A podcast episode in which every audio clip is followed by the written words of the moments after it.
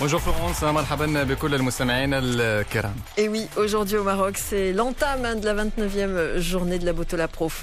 بالفعل فلورنس اذا افتتاح الجولة التاسعة والعشرين اليوم من البطولة الاحترافية لكرة القدم فصول التشويق والإثارة وترقب هوية صاحب اللقب تصل آخر الأمطار. اليوم تفتتح هذه الجولة بمباراة الفتح الرباطي ضد المضيف الدفاع الحسني الجديدية. الفتح صاحب الصف الرابع يبحث عن الفوز الثالث تواليا وضمان إنهاء الموسم رسميا رابعا واقتناص بطاقة مؤهلة إلى المنافسات القارية. أما الفريق الدكالي ثامن الترتيب فيسعى إلى تجاوز ثلاث هزائم ماضية واستعادة نغمة الانتصارات. هذه المباراة تنطلق في تمام الساعة السابعة السابعة مساء غدا أندية المقدمة تنتظرها مباريات حارقة وحاسمة الرجاء البيضاوي المتصدر يرحل لملاقاة صاحب الصف ما قبل الأخير أولمبيك خريبكا. الوصيف الوداد سيستقبل سريع واتزم ونهضة بركان الثالث يلعب في أرضه أمام المغربي التطوانية.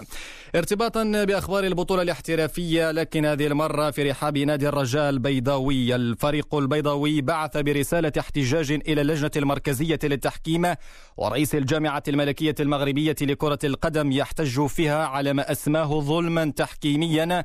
في مباراة الفريق الأخضر الأخيرة ضد نهضة بركان لحساب الجولة الثامنة والعشرين من البطولة.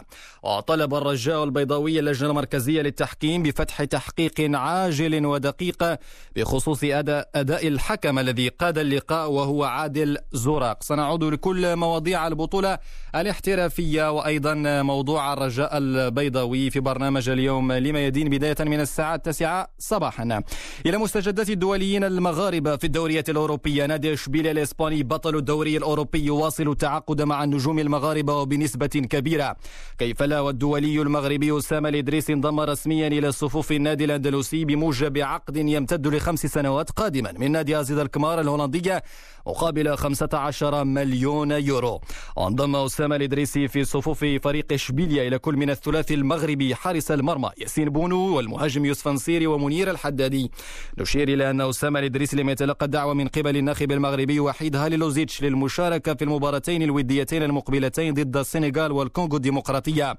وفي أخبار المحترفين المغاربة دائما نادي أونجي الفرنسي يعلن ضمه رسميا الدولي المغربي سفيان بوفال اللاعب السابق لنادي ساوثهامبتون الإنجليزي بعقد مدته أربع سنوات.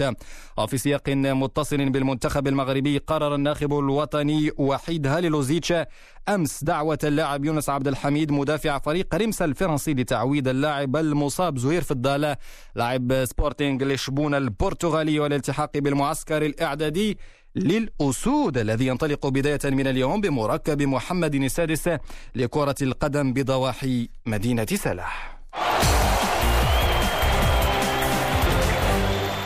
صفحة كرة القدم الأوروبية نستهلها من الميركاتو في القارة العجوز الذي أغلق يوم أمس وفي أبرز آخر الصفقات. نادي مانشستر يونايتد الإنجليزي أعلن ضم المهاجم الأوروغواياني إدينسون كافاني بعقد لمدة عام قابل للتمديد لعام آخر. كافاني للإشارة كان من دون فريق. أما أرسنال الإنجليزي فنجح في آخر المطاف في ضم توما بارتي من أتلتيكو مدريد وباريس سان جيرمان الفرنسي نجح في الظفر بخدمات البرازيلي رافائيل الكانتارا المعروف برافينيا اللاعب الحر لبرشلونة. النادي الكتالوني في المقابل فشل في إتمام صفقة التعاقد مع الهولندي ممفيس ديباي قائد ليون الفرنسي. أما نادي بايرن ميونخ الألماني فضم الجناح البرازيلي دوغلاس كوستا قادما من يوفنتوس الإيطالي. النادي البافاري عزز خط الهجوم أيضا بضم اللاعب إيريك ماكسيم تشوبو موتينغ قادما من باريس سان جيرمان الفرنسية حتى العام 2021 أما ليون الفرنسي فأعلن عن ضم الجزائري الدولي جمال بلعمري المدافع قادما من فريق الشباب السعودية. نختم جولتنا الرياضية الصباحية من عوالم الكرة الصفراء ومنافسات ثمن نهائي بطولة رولان غاروس إحدى البطولات الأربعة الكبرى حيث اجتاز أمس المصنف الأول عالميا نوفاك جوكوفيتش أول اختبار حقيقي له بفوز صعب بثلاث مجموعات نظيفة على الروسي كارين خاتشانوف ليبلغ دور الربع للمرة الرابعة عشرة وسيلاقي في هذا الدور الإسباني بابلو كارينو المتأهل على حساب الألماني دانييل ألتماير.